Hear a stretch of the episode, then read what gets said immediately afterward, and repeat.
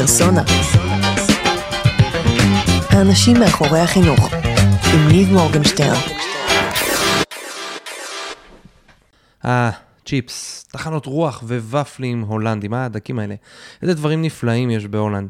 למזלי, בסוף חודש אוגוסט 2019, יצא לי להיות כמה ימים בהולנד במסע חינוכי, שאליו האמת התכוננתי וגם למדתי הרבה מהשטח, וחוץ מלאכול את ה stroopwafel, שזה הוופלים הדקים האלה, לא ההולנדים הגדולים, שזה ממש טעים, סיירתי בכל מיני בתי ספר ורציתי לשתף אתכם גם במה שלמדתי לפני על מערכת החינוך וגם בהמשך. אז הפרק הזה הולך לעסוק במערכת החינוך ההולנדית. מבנה שלה, איך היא פועלת, כמה צעדים שהם אה, אה, עושים אה, קדימה, ויכול להיות שבהמשך אני אעשה עוד אה, פרקים בכיוון הזה ועל בתי הספר ועם אנשים שדיברתי שמה. אז קדימה, יאללה, בואו נטוס.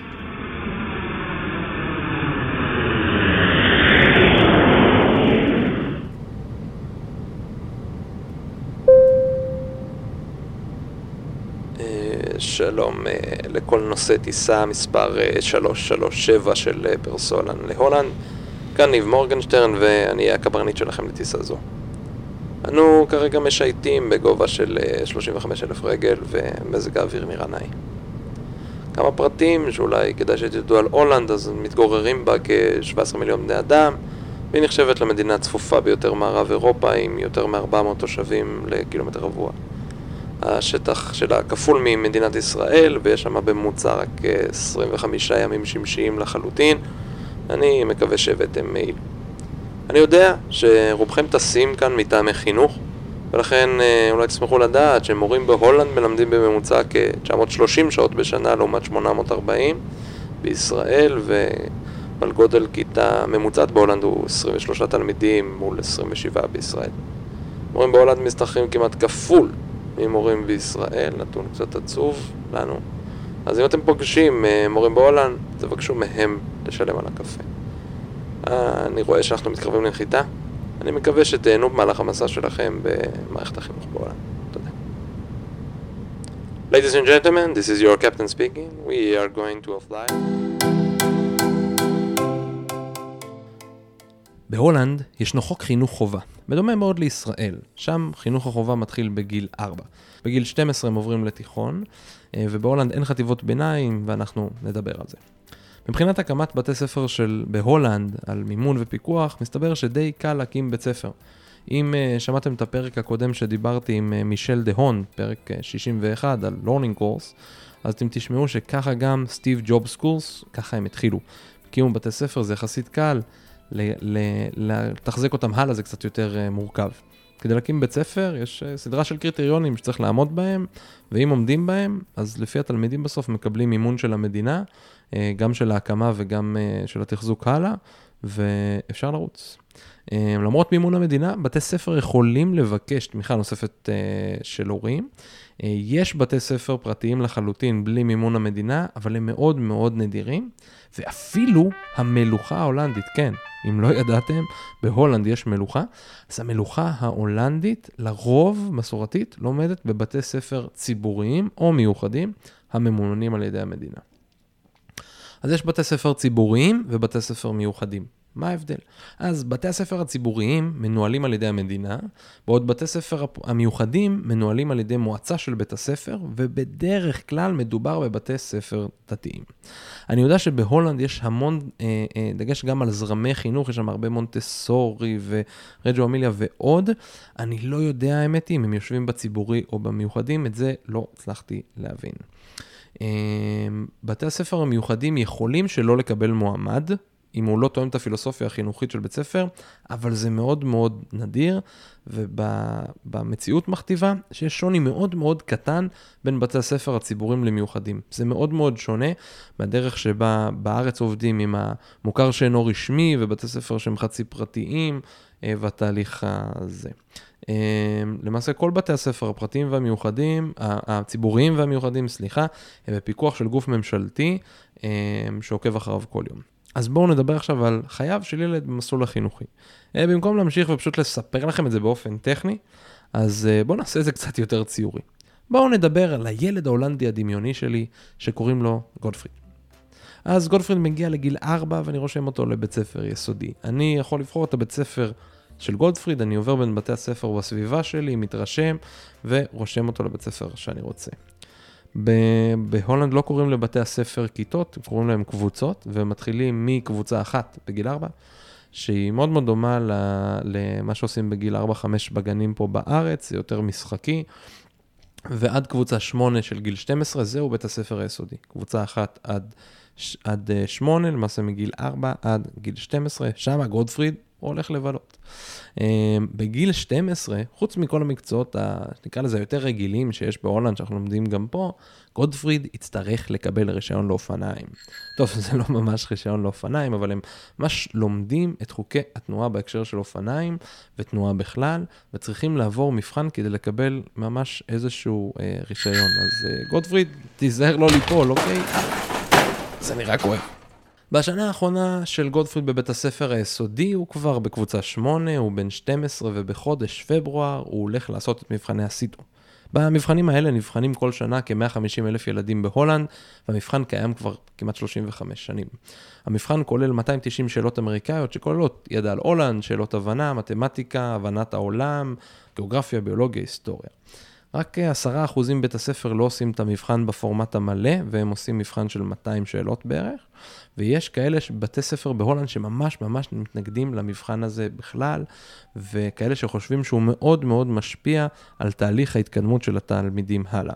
מה זאת אומרת? מה קורה הלאה? בניגוד פה בארץ, שבדרך כלל המעבר בין יסודי לחטיבה ותיכון הלאה הוא יחסית חלק, ו...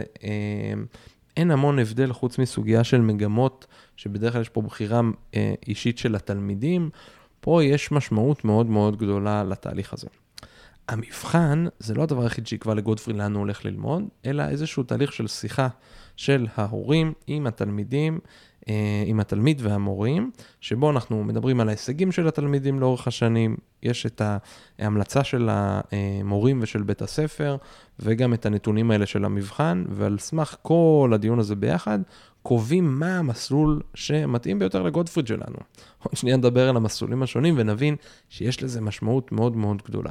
אבל יש משהו מאוד מעניין דווקא במה שקורה בתיכונים אה, בהולנד, כי בהולנד אמרנו אין חטיבות ביניים, מגיל 12 עוברים ישר לתיכון.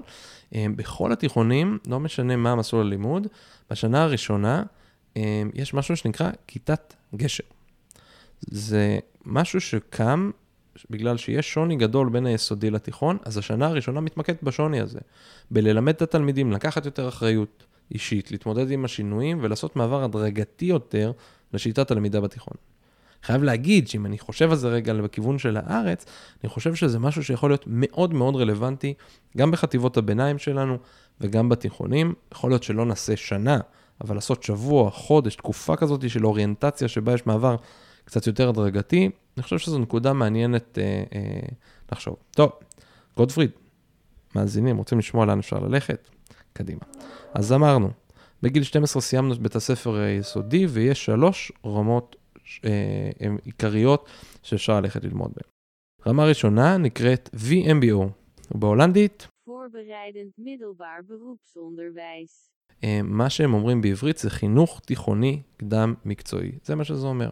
זה אורך בערך ארבע שנים, יש שם שתי רמות, לומדים שם ידע מאוד מאוד פרקטי. אפשר להתקדם משם למכללה מקצועית שנקראת MBO ולקבל השכלה מקצועית מתקדמת, זה התרגום של זה בעברית. אה, וזה למעשה הרמה הכי, נחשבת הרמה הכי נמוכה של הלימודים העל-יסודיים, כן? אה, עכשיו, כששאלתי מישהו על העניין הזה של החלוקה הזאת, אז אמרתי מצד אחד, וואו, זה מאוד מעניין, אז הנה, כל אחד הולך למקום שהוא יותר אולי נמשך אליו, מה, אבל איך זה בפרקטיקה? אז הוא אמר, תראה, אפשר לעבור אה, טכנית מלמטה למעלה, אבל זה מאוד מאוד קשה, יותר קל ליפול מ- מרמה אחת לרמה שנייה. וכששאלתי אותו ספציפית על ה-VMBO, אמרתי לו, אוקיי, מה, מה זה אומר בפרקטיקה? אמרתי לו, מה זה אומר טכנאים, כמו חינוך מקצוע? אז הוא אמר, תראה, זה אפילו לא בדיוק טכנאי, זה אפילו זה יותר כיוון של עוזר טכנאי. כלומר, זה נחשב, אה, אה, זה, וזה שאלתי מישהו שגר בהולנד, אה, שיש לו ילדים בגילאים האלה, שלומדים בתיכון, זה, זה הרושם שלו. אוקיי, הרמה הבאה אחרי VMBO היא HAVO, או HAVO, או בהולנדית, Hoger algemeen voortgezet onderwijs. והתרגום של זה זה השכלה כללית גבוהה יותר. אמ, זה כבר תהליך של חמש שנים, שם לומדים הרבה יותר ידע תיאורטי, אמ, ואפשר להתקדם משם אה, ל-HBO, שזה נקרא אוניברסיטה של מדע שימושי. אמ, זה עוד לא האוניברסיטה, זה משהו שקצת יותר מזכיר את הקונספט של מכללות וקולג'ים בארצות הברית, ולמעשה כל הלימודים האלה משלבים ככה איפשהו בין תיאוריה לפרקטיקה, את המתח הזה. אה, שזה דווקא קונספט מאוד מאוד אה, מעניין בעיניי, שלא מסתכלים רק על הסוגיה התיאורטית-אקדמית נטו גרידה, אלא גם סוגיות יותר מקצועיות. לא הבנתי אם בתכני הלימוד שם אה, יש נגיד תחומים מקצועיים שיותר קרובים לדברים מודרניים שיש היום בעולם, בין אם זה, נגיד, ניקח רגע דברים דיגיטליים, עיצוב גרפי, תכנות וכן הלאה. לא נכנסתי לפרטים האלה, אבל כאילו יש פה איזשהו כיוון מאוד מעניין בהקשר הזה, אז זה ההבו, הרמה השנייה.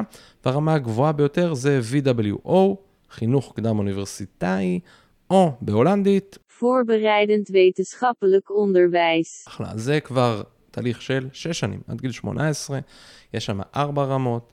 אה, המון ידע תיאורטי, הכוונה היא להכין את התלמידים לאוניברסיטה, זו הכוונה. אה, תחומים מחקריים, משם מתקדמים ל-WO, שזה החינוך מדעי, מכוון למדע ואומנויות, וכמובן אפשר להתקדם אה, הלאה לתואר שני ודוקטורט. חשוב להגיד שהמסלול, גם VW וגם ה-HAVO, הרמה השנייה, ה-HJVO, שניהם מכוונים, הם נותנים לעשות מסלול מהיר לתואר ראשון, ולעבור אחרי זה לתואר ראשון, לתואר שני וכן הלאה.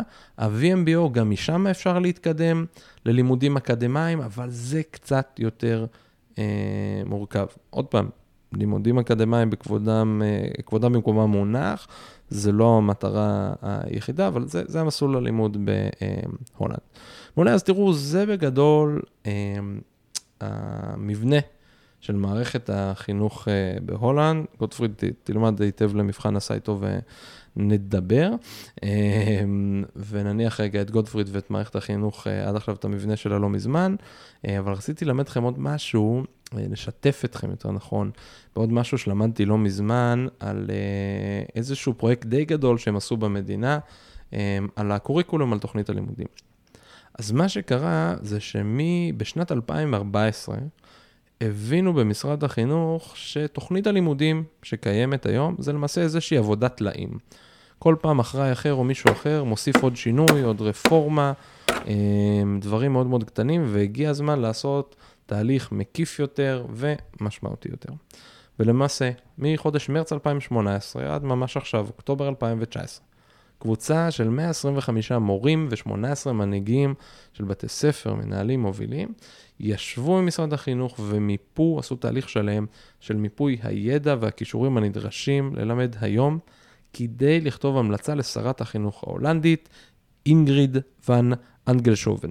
אני ממש מקווה ביטאתי את זה נכון.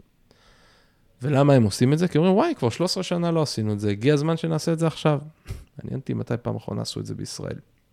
טוב, אז זה היה תהלוך, תהליך ארוך מאוד, ויש באמת הרבה מאוד אה, אה, גופים ומבנים שהם עקבו, וידע רב, ושיתופי פעולה עם העולם, והמסמך של ה-OECD 2030 שיצא, באמת הרבה דברים שהשפיעו עליהם. בואו נדבר רגע על ההצעה שהם בנו והגישו למעשה לשרת החינוך, וממש בימים אלה נבדקת, ואם אתם מאזינים עכשיו, זה בימים אלה, אם אתם מאזינים בעוד שנה, זה כבר קרה. אז הם בחרו להתמקד שם בתשעה תחומי ליבה מרכזיים, ואלה התחומים.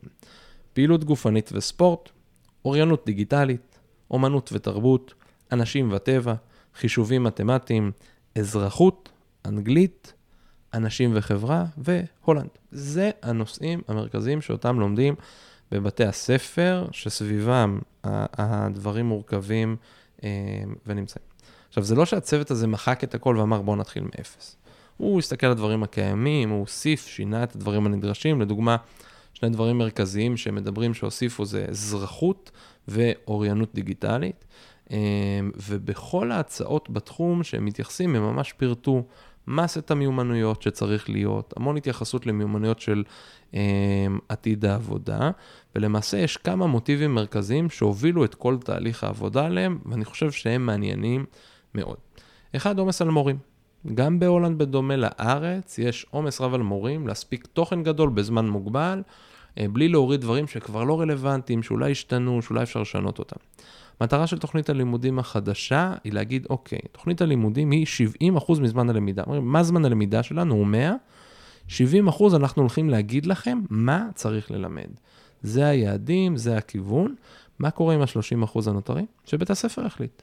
בית הספר יחליט מה צריך לעשות בזמן הזה, נותנים אוטונומיה לקבוע גם את הנושאים, גם את הפעילויות, גם המיומנויות, כן? בית הספר יקבע מה לומדים ואיך לומדים. אה, בתוך ה-70% האלה, הם עשו עבודה מאוד אה, אה, עמוקה, כדי להסביר גם למורים בצורה ברורה יותר מה חובה ומה לא חובה, מה הרשות לעשות בתוך התחום הזה. דבר נוסף, היבט נוסף, הוא מעבר חלק בין שלבי הלימוד לתלמידים.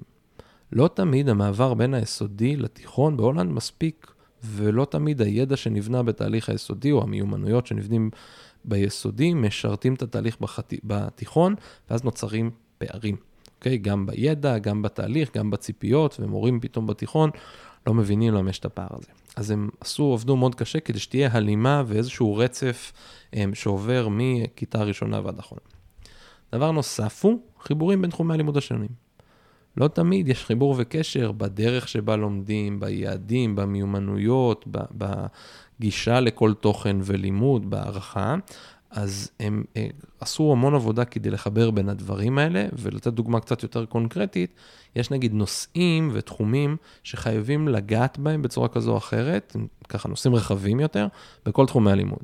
לדוגמה, קיימות, טכנולוגיה, גלובליזציה ובריאות, אז זה אה, דברים שתמיד יהיו, אה, ייגעו בהם בצורה כזו או אחרת בכל תחומי הלימוד השונים, וגם בכל תחום, בכל תחום לימודי, יש סט מיומנויות שהם מדברים על מיומנויות שחשובות לעתיד העבודה, זה המיומנויות שמדברים עליהן, שחייבים להיות שם. וזה לא משנה אם אתם לומדים היסטוריה או מתמטיקה, אתם הולכים לעסוק בחשיבה ביקורתית, בעבודת צוות, באוריינות, זה מיומנויות שהם קבעו ממש סט כזה של אה, מיומנויות, הוא מאוד דומה לסטים של מיומנויות שמדברים עליהם כל הזמן, אז אני לא רוצה להלאות עכשיו פה את, את התיאור של כולם, זה יהיה חשוב למישהו מאוד, תרשמו לי ואני אה, אגיד אותם, אבל המיומנויות האלה הולכות להיות חלק אינטגרלי מתהליך הלמידה. אין יותר ניתוק ידע לבד מיומנויות לבד אם בכלל, אלא חיבור. אה, והדבר האחרון זה איזון במטרות החינוך העיקריות.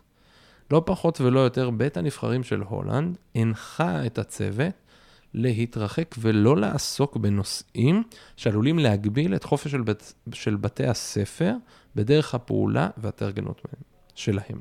אתם שומעים נכון, להתרחק ממה שעלול להגביל את העבודה של המורים והמנהלים בשטח, של לפעול על מה ואיך תלמידים לומדים. לא רק על האיך, אלא גם על המה. הם חושבים והם אומרים את זה בצורה מאוד גלויה, ומנחים שצריך לתת למורים המון אוטונומיה. והזדמנות לפעול כדי לפתח את המיומנויות והידע שהמורים בשטח חושבים שצריך. ממש ממש אה, אה, ככה. זאת אומרת, יש פה משהו באמת שמלמעלה עד למטה אומר, אנחנו נותנים אוטונומיה. הייתה לי פעם שיחה עם אה, אה, מנהל בית ספר שאני מאוד מאוד מעריך אותו, והוא אמר לי, תשמע, לא, לא דיברתי איתו לפני, אז אני לא רוצה סתם להגיד, שהוא תשמע, מה קורה בסוף בשטח?